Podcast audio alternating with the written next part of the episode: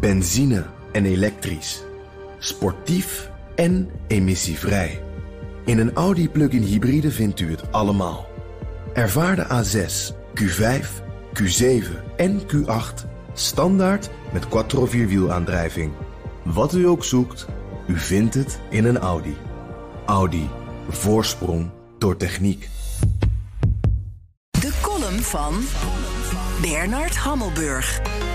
Met het intrekken van het visum van tennis-superster Novak Djokovic heeft de Australische regering een putdeksel opengetrokken waaruit allerhande vuiligheid naar buiten komt.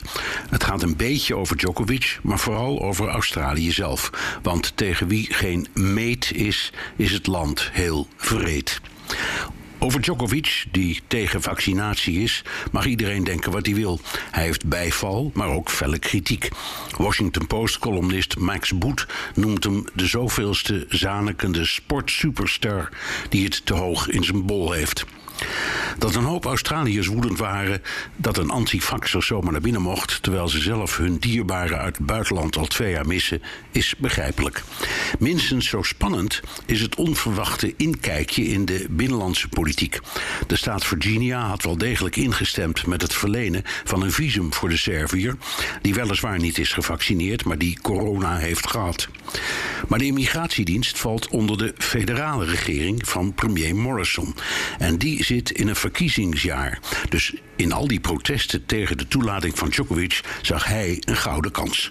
De immigratiedienst sloot hem vervolgens op in een hotel dat onderdeel uitmaakt van het beruchte Australische stelsel van detentiecentra voor immigranten. Op dat punt is Australië met stip het vreedste land in de democratische wereld. Die detentiecentra doen denken aan Guantanamo. Het zijn gevangenissen waar de gedetineerden soms jaren wachten op een visum. De kamers zijn cellen, van verzorging is nauwelijks sprake, het eten is barbaars.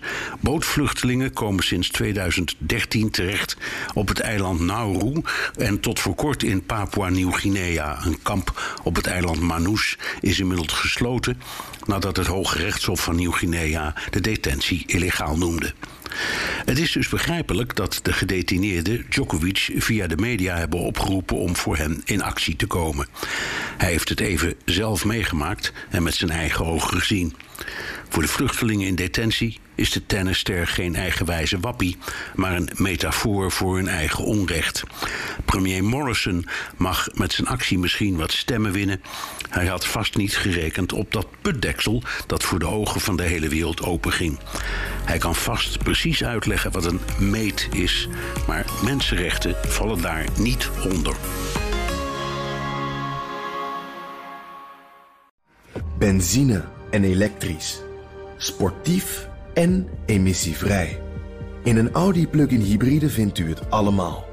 Ervaar de A6, Q5, Q7 en Q8 standaard met quattro vierwielaandrijving. Wat u ook zoekt, u vindt het in een Audi. Audi. Voorsprong door techniek.